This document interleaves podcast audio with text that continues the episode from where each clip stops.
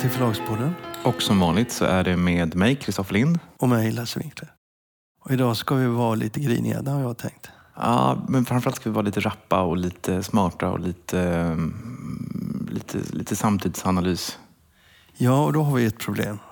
Ett ingångsproblem där. Och det är det att jag alltid vill hålla föredrag. Jag vet, men vi ska ändå göra ett försök. För du har faktiskt haft en väldigt bra spaning om en, ett fenomen som utgör kanske ett av de största hoten mot bokhandeln och som man talar väldigt mycket om på ekonomisidor men som man i bokbranschen ännu så länge inte har sett skrivits en rad om. Jag, jag läste nyligen eh, Svensk Handel, deras utredningsinstitut HUI lämnade en rapport i början av året om eh, e-handelns utveckling. Gör den analysen att eh, e-handelns utveckling kommer inom ett par år att leda till en brutal slakt av fysiska butiker och det har vi sett i USA. Och vi har sett det i England och det är oerhört deprimerande i en del offentliga miljöer och vandra runt när man ser vad som händer. Bokhandeln är ju den bransch där nätet är mest penetrerat. Det är ju, jag tror de gjorde bedömningen 49 procent 2015. Men jag, om man tar med Amazons försäljning och, och den ökade näthandeln så tror jag att de ligger mellan 52 och 55 procent säkert. Det är rätt stort då. För den nästa branschen som kommer efter det, elektronik, de är inte över 25 procent. Men det är de vana som utgör hälften av den totala summan av omsättningen. Det är väl det här som är det nya. Så att man har ju sett länge med Amazon och sådär att det, eh, näthandeln har ökat. Senast har det varit väldigt mycket kläder. Men det nya nu är att man ser att näthandeln ökar inom dagligvaruhandeln. Alltså att folk köper väldigt mycket mat på nätet. I USA så har det blivit väldigt stort och det gör då att folk går inte till köpcentrum och när folk inte går till köpcentrum så handlar man även inte i de butiker som ligger runt omkring. Så att även om då böcker redan har en väldigt hög andel av nätförsäljning så kan den minska om, alltså om, om besökarna till köpcentrum minskar med 20-30 procent så kommer allt annat lika. Även försäljningen i övriga butiker, bland annat bokhandeln, minska. Det kommer att bli en eh, som det har blivit i USA där, där eh, en del av de här köpcentren som ligger framförallt utanför eh, stadskärnor eh, imploderar. De blir spökcentrum. Alla blir inte det. För en del klarar sig kvar. Och i citykärnor. Köpcentrum i city, citykärnor. Men hur som helst så blir det en förändring i den offentliga miljön. Alltså fysisk handel kommer att drabbas otroligt hårt. Och där marginalerna är små, där smäller det bara. Mm. Jag tror att du har rätt. Jag tror att det här är, är någonting som man bör hålla ögonen på. Ehm, och eh, det har, jag har inte hört i något sammanhang i bokbranschen att man har, att man har förhållit sig till det. Nej, jag såg faktiskt en liten, liten eh, kommentar från en bokhandlare nere i Skåne eh, som reflekterade just över detta. Men jag har inte sett någon som har fattat att det där måste vi faktiskt ta tag i. Nu byter vi ämne va? Yes.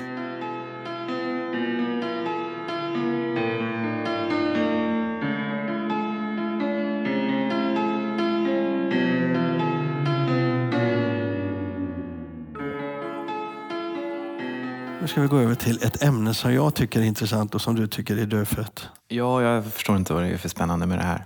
Det här avsnittet av Förlagspodden kommer att komma ut ungefär när det är eh, någon gång i mitten av september.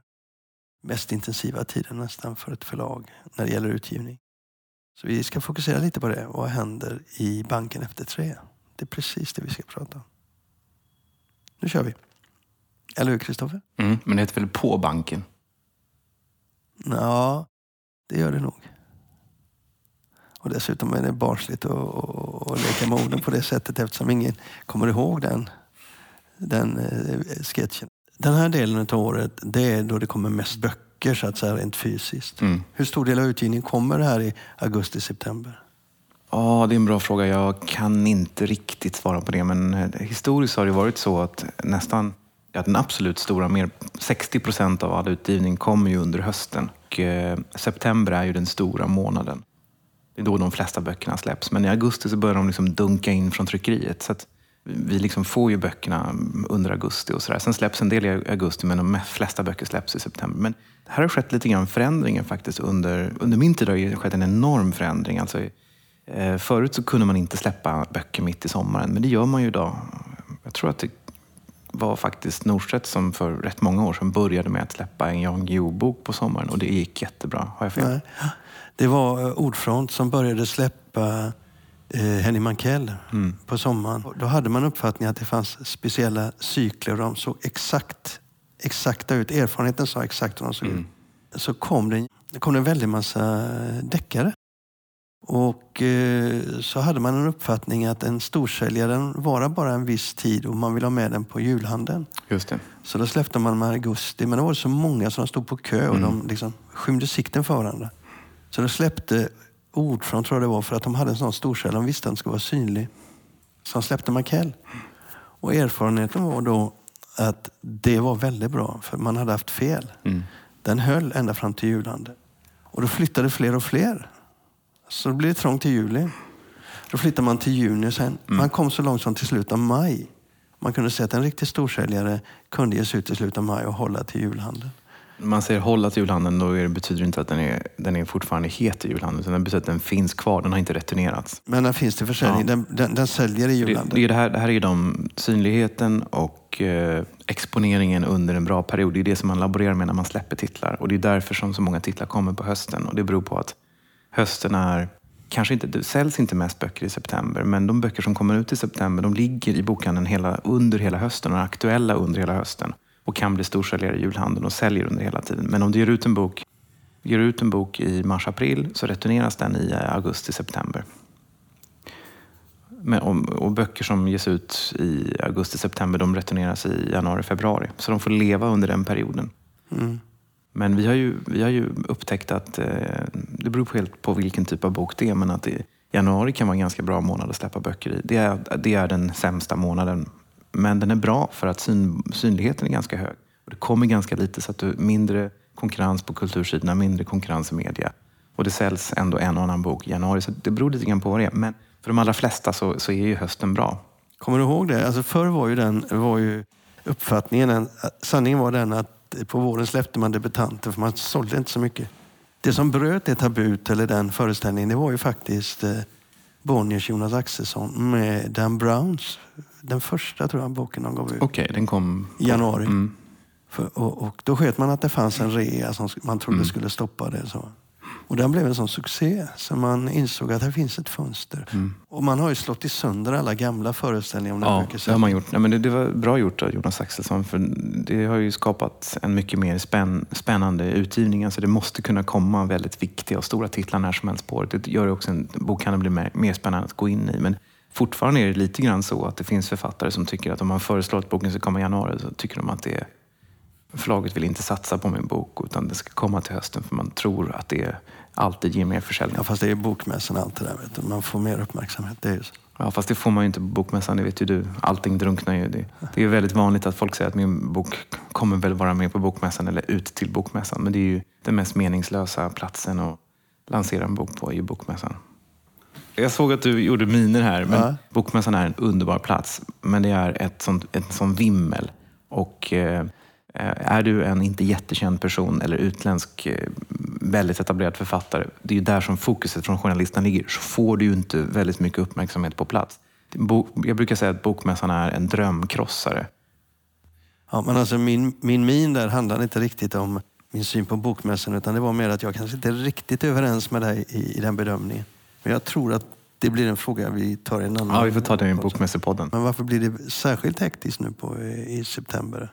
Nej, men det är ju just för att du har en in, inställningen av vårens böcker kommer ganska snart. Så att du måste ha klart alla omslag och celltexter och katalogmaterial inför det. Samtidigt så kommer hela höstens utgivning ut och det är årets största utgivning. Så det är väldigt mycket böcker som, som, som kommer ut. De ska du ta hand om och det finns en hantering där även för förläggarna. Plus att du, du eh, har liksom den långa sommaren bakom dig så att det är liksom en uppstart. Det är väldigt många som kommer tillbaka, väldigt många som börjar skicka in grejer. Väldigt många som börjar ringa om manus. Man tänker att de kunde kanske vänta någon vecka eller två. Så på så sätt så är det en väldigt, väldigt hektisk tid. Nej men det är sant. Man tänker att de kunde vänta Ja, men det är sant. eller två. Ja. Nej, men jag har haft min första vecka nu och det har varit helt hysteriskt. Ja, jag förstår det. Även författare, alltså icke-publicerade och sådär, de verkar ju ha samma rytm som alla andra. Hur många manus får du förresten på ett år? Jag tror du har ställt den frågan förut och vi får ju väldigt många men de sållas ju bort så det är inte så många som kommer till mig. Det är ju en, eh, ja, 2000 manus drygt som kommer till oss. Alltså inte som kommer till mig, nej. Nej. Hur, hur många har den kommit ner till då ungefär? Hur många som kommer till mig? Ja. Det är ju inte, det är mindre än ett i veckan. Sen 30-40 på ett år? Det är mindre än ett i veckan, men, men, men, men det låter ju otroligt lite. Men då ska du komma ihåg att jag får ju bara de manus som... Jag är inte den enda förläggaren på förlaget. Eh, utan de manus som kommer till mig det är ju svensk, eh, svensk skönlitteratur. Och sen så kan det vara andra grejer också. Men, men annars är det biografier eller historia samlar på, på min kollega Anders Gustafssons bord. Är det översatt samlade på en palm. Är det biografier eller barn så hamnar, hamnar det ganska ofta hos Martin Svensson. Så jag får ju bara min del. Men sen av, av de här, när jag säger ett manus i veckan så är det ju manus som är sållat från då de här 2000 på årsbasis. Och då är det manus från helt okända. Eh, sen kommer ju manus, jag kommer, det finns ju manus som kommer från andra håll samtidigt. Jag får ju mycket manus av mina egna författare naturligtvis. Eh, det kan komma från agenter. Så att det, blir, det är ju betydligt mer manus än ett i veckan. Jag skulle säga att jag i snitt läser ungefär det, det, är olika. Vissa, en, en vecka kan man, kanske man, man inte hinner läsa någonting, men i snitt så läser jag nog tre manus i veckan. Hur läser du ett manus då? Ja, men man läser ju, det beror på hur man läser, men om, om de här manusen som kommer till mig, de är ju då sållade. Så att då läser jag ju dem då läser jag dem med utgångspunkten att det här har någon valt ut för att de tror att det kan vara väldigt bra. Eller tror att det kan vara någonting. Och då läser man ju, man läser ju väldigt kritiskt och man läser ju på helspänn. Eh, och man läser på ett annat sätt än när man, när man nöjesläser. När man nöjesläser så är det då, har man, då är man liksom mer nollställd och man är inställd på att det ska vara roligt läsning, en rolig läsning. Här läser man ju man har hela tiden eh, två tankar i bakhuvudet och det är, går det här att sälja?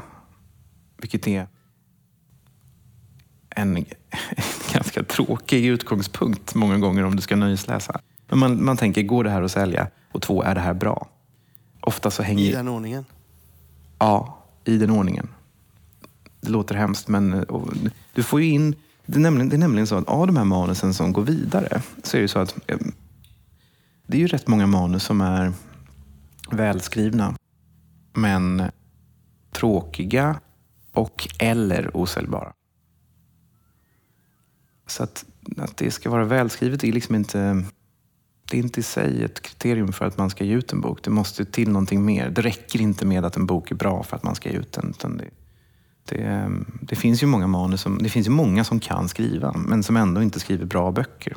Mm, men nu distraherar jag dig. Du sitter och mm. läser och ställer dig frågan, går det att sälja? Är det bra? Vad händer sen då? Hur läser du egentligen? Jag eh, brukar då inte läsa med pennan i handen. När, om man läser manus för första gången så läser man eh, då läser man ju för att ta reda på, är det här någonting som vi ska ge ut? Och då, så då brukar jag aldrig liksom göra anteckningar eller så. Sen då läser jag liksom förutsättningslöst med de här två utgångspunkterna och då läser jag ganska snabbt. Och eh, eftersom det redan är sållat en gång så ger jag det verkligen en chans. Men, men det är inte alltid som jag läser klart. Men läser du från början till slut? Av de här manusen så, som är sållade så läser jag ju, nej inte alltid, men, men, men jag lägger ner mer tid på dem. Ja, men hur läser du? Börjar du läsa 50 sidor i början och mitten och slutet som man alltid Ja, du menar så. Ja, nej, men man börjar ju, precis, nej, men man börjar ju med, med början naturligtvis. Och sen så, sen, så, sen så skummar man ju lite grann. Om man, tycker, man, man, man läser 50, 60, 70 sidor. Tycker man att det är helt hopplöst så skummar man ju lite grann eh, och tittar i mitten och i slutet och så. Men, men för ofta är det ju så att början är ju svag Eh, och det gäller ju även etablerade författare att eh, de flesta böcker numera tenderar ju att bli lite för långa. Jag tror att det är ett ordbehandlingsproblem eh, i, sam, i kombination med att folk, ja, det har blivit status att skriva ganska tjocka böcker. Folk vill skriva tjocka böcker. Det har vi talat om tidigare. Men Sjöwall Wahles böcker var ju 220 sidor. Idag ska ju liksom, författare som Stefan Arnhem skriver 600 sidor. Så, mm. så det, det, böckerna tenderar att svälla så att man, man stryker ju oftast ganska mycket. Jag skulle säga att man om man stryker 25-30 procent i ett manus så är ju 80 procent av de där strykningarna är ju i den första tredjedelen. Så att det, det, det är ju något att tänka på för alla som skriver, verkligen att jobba med dramaturgin. Men då läser du 50, 60, 70 sidor och så är det bra. Vad, läser du, vad gör du sen? Då? Ja, då läser jag ju hela manuset. Är det bra så läser man ju hela manuset.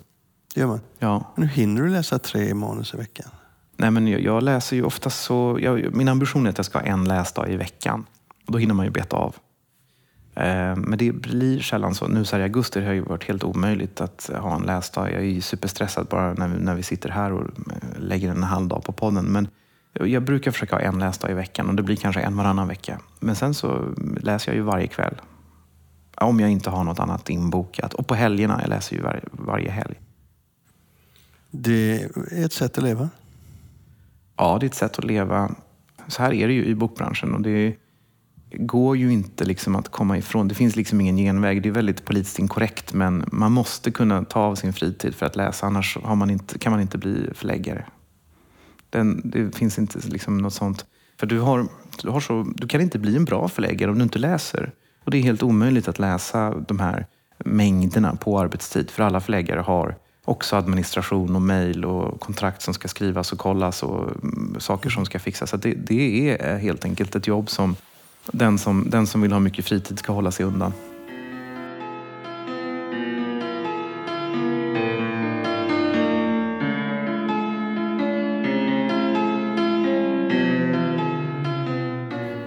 Överraskade mig förra gången.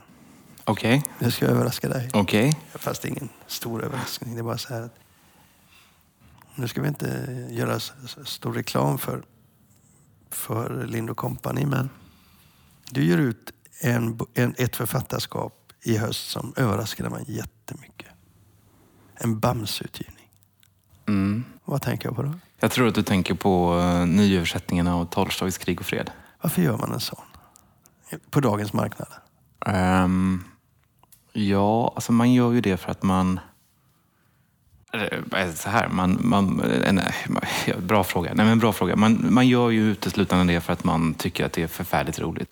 Och eh, även om man, det finns ju hela tiden ett ekonomiskt aspekt på allt man gör i bokbranschen så är det så att det finns, man behöver också göra sånt som är, som är man behöver gå tillbaka till kärnan så att säga. Man, mm. behöver, man behöver syssla med det. Liksom. Man gör det uteslutande för att det är roligt. Men också för att det behövs, för att klassikerna åldras.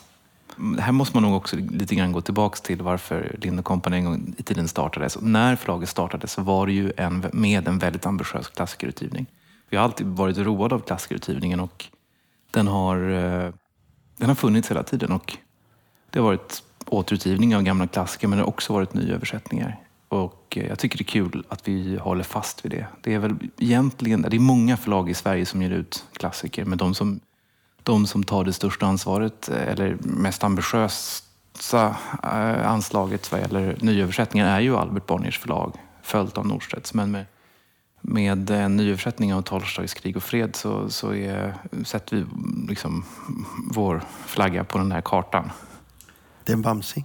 Ja, den är ju över tusen sidor tror jag. Alltså det finns en historia bakom det som du inte klämmer ur dig. Ska behöva dra ur den? Ja, alltså det, det, speciella i det här fallet är ju att vi just gör den här boken. Det har ju med översättaren Barbara Rönnqvist att göra. Varför är det det du syftade på? Ja. ja. Nej, därför att Barbara är ju en eh, fantastisk översättare. En av de allra bästa från, från ryska. Och, eh, hon har översatt flera böcker åt oss. Och, eh, Barbara är har, speciell på det sättet att hon gör bara det hon vill. Eh, och hon har, vi har en tradition som är mycket speciell. Vi jobbar inte som någon annan vill jag säga. Eh, och det är att hon kommer till oss och säger nu vill jag göra det här. Det började med att hon, hon hade en, en bok som en tidiga sorger av Danilo Kirch. Den skulle utkommit på Brombergs, men när Danilo Kirsch inte fick priset så blev den aldrig utgiven. Nobelpriset, han dog. Eh, och den låg länge i hennes byrålåda. Det är en fantastisk författare. Och då kom hon med den till oss och då tyckte vi att det här ska klart att vi ska ut. Och sen så har hon, har hon översatt, eh, hon översatt Hadji Murat av Tolstoj, hon har översatt Dostojevskij, hon har översatt Ashmatova. Och sen har hon talat om att hon vill göra krig och fred och eh, Eh, jag trodde hon skojade när hon sa det först, men eh, det gjorde hon ju inte. Så Hon kommer färdigt manus? Nej, inte Krig och fred. Det talade hon ju om. Hon sa ju att jag funderar på att göra en ny översättning av Krig och fred. Och då sa vi, verkligen, skojar du? Nej, sa hon. Jag har börjat lite smått. Och sen så ja, ja, gjorde hon det. Men vad jag fattat också så gick hon tillbaka till en tidigare version utav... För det som finns på svenska marknaden är inte samma version som ni kommer med nu va? Nej, det där är en, det där är en jätteintressant och bra fråga också. För att det finns ju så olika... Vilken text är bastexten? Så här, vilken Tolstoj ska man översätta? Vilken är den riktiga Tolstoj? Barbara är ju inte bara översättare, hon är ju också professor i ryska litteraturen. Så hon är ju litteraturvetare i grunden och hon menar på att den text som man gav ut under Tolstojs tid och den text som har varit liksom, kan, den kanoniserade texten i, i, i Ryssland är inte den som man har översatt till svenska utan att man har, man har strukit ganska många delar och sådär. Eh, och hon, hon menar då på att det här är den mest fullständiga versionen som har funnits på svenska tidigare. Mm. Men det finns, det finns två översättningar sedan tidigare. När gjordes den innan? Ja, alltså den, den första översättningen är... Eller det finns ytterligare en, men, men den, den näst senaste är Sven Dahls översättning från 1929, tror jag. någonting sånt. Och sen kom Staffan Skott med en översättning på Bonniers. Och den är ganska... Den gjordes relativt nyligen. Men eh, den, enligt Barbara, som du får tala med om det här för hon är verkligen insatt.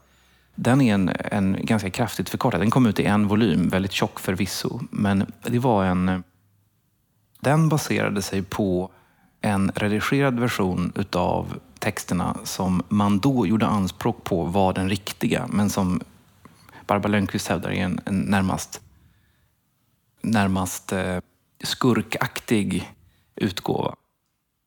Det ska jag fråga henne på bokmässan. Bland de här slavisterna och bland de här litteraturvetarna så är såna här saker oerhört viktigt. Och bara det tycker jag är alldeles fantastiskt. Att man tycker det är så viktigt att den, den rätta Tolstoj ska komma ut och i en bra språkdräkt så att man lägger då så pass många år som det ändå tar att översätta dessa tusen, drygt tusen sidor till svenska. Den, är, den kommer nu i fyra band då? Det är också eh, något som eh, Barbara Lönnqvist har drivit igenom då, att den ska komma i fyra band. För att det är ju eh, en mardröm. Men hon menar på att den kom i fyra band i originalet och hon vill att den ska vara det nu också. Jag hade ju helst sett att det var ett band eller två. Ja. Det var ju mycket vanligt för att man gjorde så. Eh, idag, det, idag är det liksom tekniskt och kommersiellt eh, lite knepigt att få folk att köpa fyra utgåvor. Men det är ju en, det är ett stort verk, så det är som fyra romaner. Den är också uppdelad så. Den är skriven så. Det här är någonting som vi gör med hjärtat, eh, men inte med hjärnan. Sen är ju, man kan ju dela upp människor i två människotyper. De som... Bara två? Ja, men flera. Men lite förenklat kan man dela upp.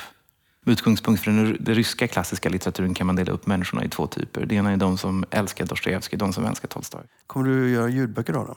Nej, det hade varit roligt och det hade varit häftigt. Ehm, men jag vet inte riktigt. Alltså det, såna här saker får ju kosta, men man vill ju inte hälla ut pengarna i, i strömmen.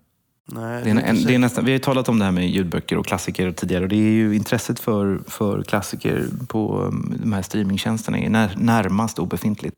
Ett sånt här stort verk som, som Krig och fred, det skulle ju bli en fruktansvärt dyr eh, inspelning. Mm. Men jag vet en som hade lyssnat igenom allihop. En, en, en vän till mig. Det räcker ju inte riktigt. Nej, men du har en, en grundplåt där. Ja, det hade blivit, jag vet inte hur många timmar det skulle blivit, men det skulle säkert blivit, jag tror kanske 20 26 timmar eller någonting sånt. Äh, så skulle jag säga en sak som jag inte ska säga. Jo, gör det. Vi kan klippa bort det.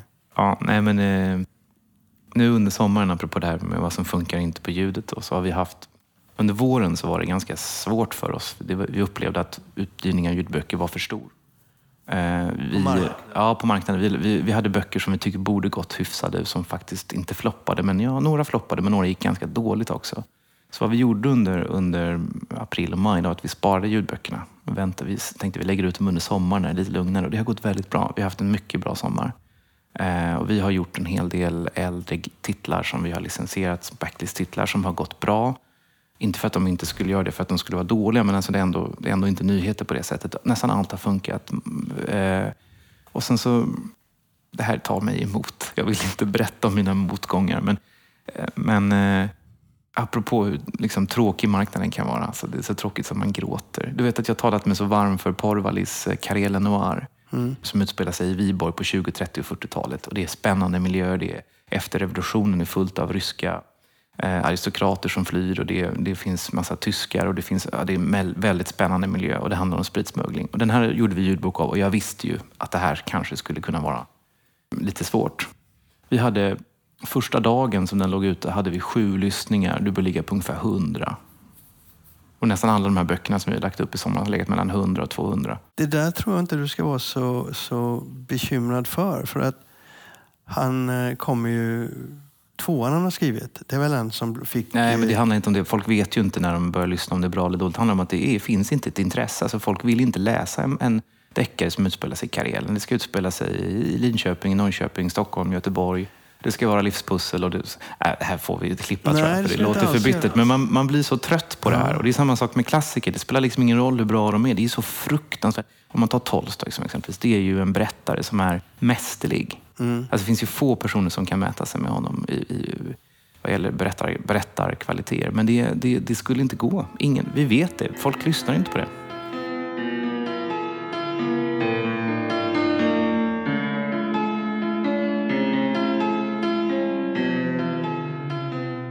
Vi ska prata om Jörn Lierholst. Eh, måste vi det? Kan ni försöka? Ja, vi kan försöka. Mm.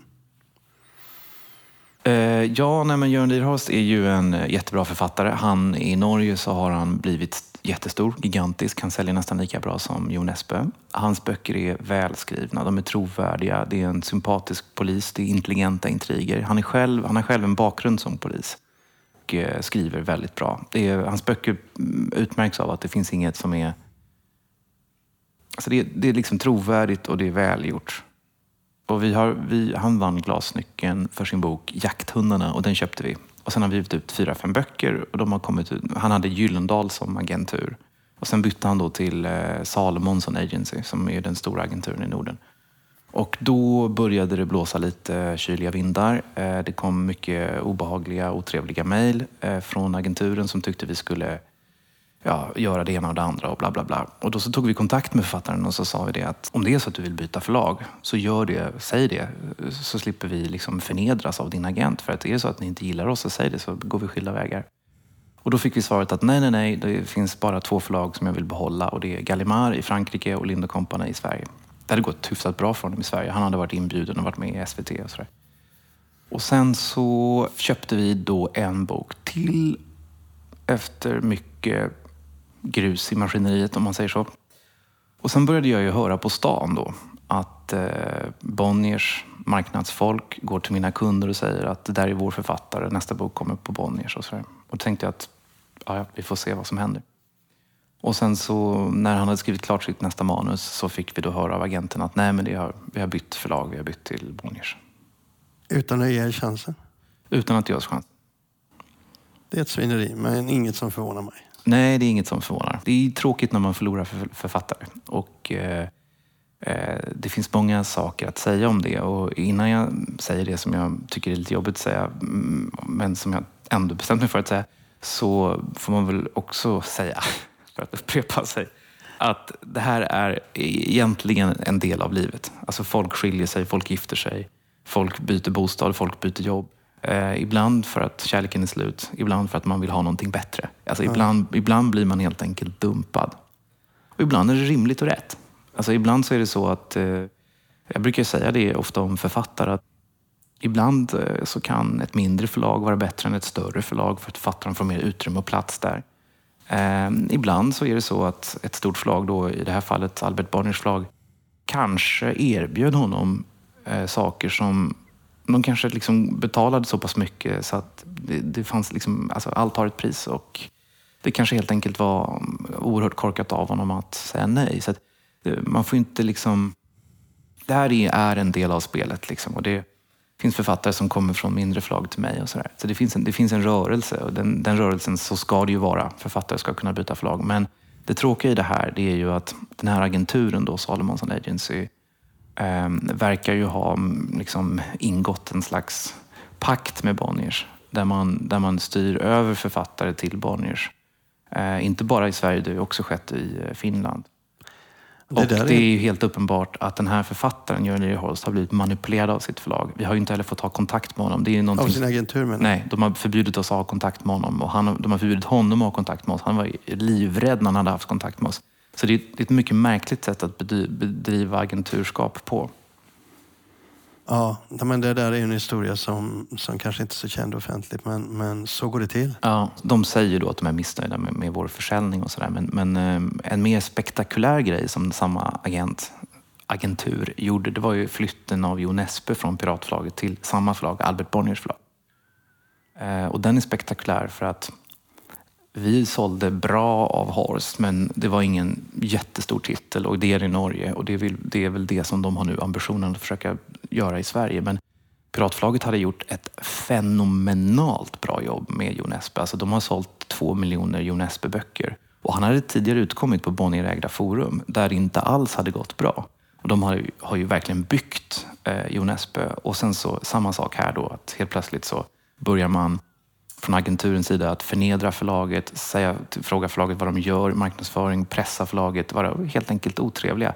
Och sen så slutar det med att man bara flyttar författaren och sen så är det någonting som har gjorts upp med Bonniers. Det pågår ingen budgivning utan det är liksom en, en, en pakt så att säga. Och det, i Sverige idag så är det bara Albert Bonniers som tjänar på detta.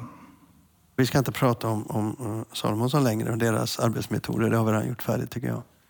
Men en del agenturer är ju rätt osmakliga när mm. de lanserar en författare på marknaden. Det kan man bara konstatera att det är så. Ja, och det kan vara, här finns det också ett kortsiktigt perspektiv, ett långsiktigt perspektiv. Alltså agenturerna är ju ganska eh, de agenturer som är väldigt duktiga på att hårt lansera och hårt satsa och säljer en bok till 22 länder och får upp förskott i ganska mycket, de, de bränner ju också den författaren. Det finns ju många sådana som... som de kan bränna författaren? Ja, kan, jag ska säga att säljer du en debutant i 22 länder så i nio fall av tio har du bränt den. Inte nio fall av tio, men det är sällan som en sån författare håller, kvar, håller sig kvar. Utan då, för då har man, det är över, då har man översålt så att säga. Ja, och det där har du ju en del svenska författare som har... Väldigt många. Väldigt många. Ja, som har kommit ut eh, mm. internationellt och som sen bara en bok. Det är tråkigt att göra en lista, men jag skulle kunna räkna upp en sju, åtta personer utan att ens behöva tänka till. Ja, jag med.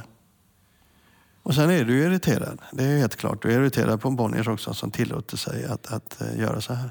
Ja, och jag tycker det är lite fult att man kontaktar mina kunder och säger liksom, vi ska ta över den här författaren ett, ett, ett år innan vi blir informerade. Och ni har dessutom en bok kvar va? Ja, vi hade, vi hade dessutom en bok kvar som kommer nu i januari. Och det visar också på att man har, en, man har ett väldigt liksom, förtroendefullt samtal sådär, oss grabbar emellan. Där man liksom gör upp affär, kanske till och med innan man informerat författaren. Ja, det är otrevligt. Men det har vi inte sett eh, för sista gången. Men vi kan säga så här. Det har vi inte sett, men lyssnarna av podden kommer få ta del av det. Jo, så tänker jag också så här. Vi tar gärna upp andra exempel som inte rör Lind Company. Jag älskar ju att, att lyfta upp sådana här saker när ja, folk beter sig. det gör vi. Men när vi, det är inte så roligt att prata om sådana här saker. Eh, därför att man, det finns så många aspekter av det. Men man har ju i någon mening så har man blivit dumpad. Och det är väldigt jobbigt. Eh, och man är ledsen. Ja, och, man är, och man är lite bitter. Och sen så vill man inte framstå som ledsen och bitter heller. Men i det här fallet så, så tycker jag då att det är intressant. Eh, dels, dels är det intressant för det här ska vara en förlagspodd. Om jag inte är öppen och berättar om sådana här saker så blir podden död. Så jag måste ju berätta om mina motgångar såväl som mina framgångar. Men sen är också tanken är ju lite grann att jag tycker då att här ser man ett mönster. Nu ska mm. vi inte grotta ner oss i det här. Och... Vi får anledning att komma tillbaka till ja. detta. Och, och, men vad vi under alla förhållanden kommer att göra de närmsta under hösten här Dels kommer vi vara på Bokmässan och eh, spela in. I vilken form vi sen kör ut det får vi se. Och sen så kommer vi också åka till Frankfurt. Det är också en test vi ska göra. För att försöka ta pulsen på, på uh, den internationella marknaden. Mm. Och det här kommer ju antagligen att ge en hel del inspelningar. Så att tanken är att vi ska komma om 14 dagar, men jag tror att under hösten kommer vi komma vid några tillfällen varje vecka. Så ni som gillar det kan ju vara glada. Ni som inte gillar det behöver inte sätta på det. Eller så kan ni lyssna på varannan mm. Det ska bli väldigt kul. Det ska bli kul. Hej då. Hej då.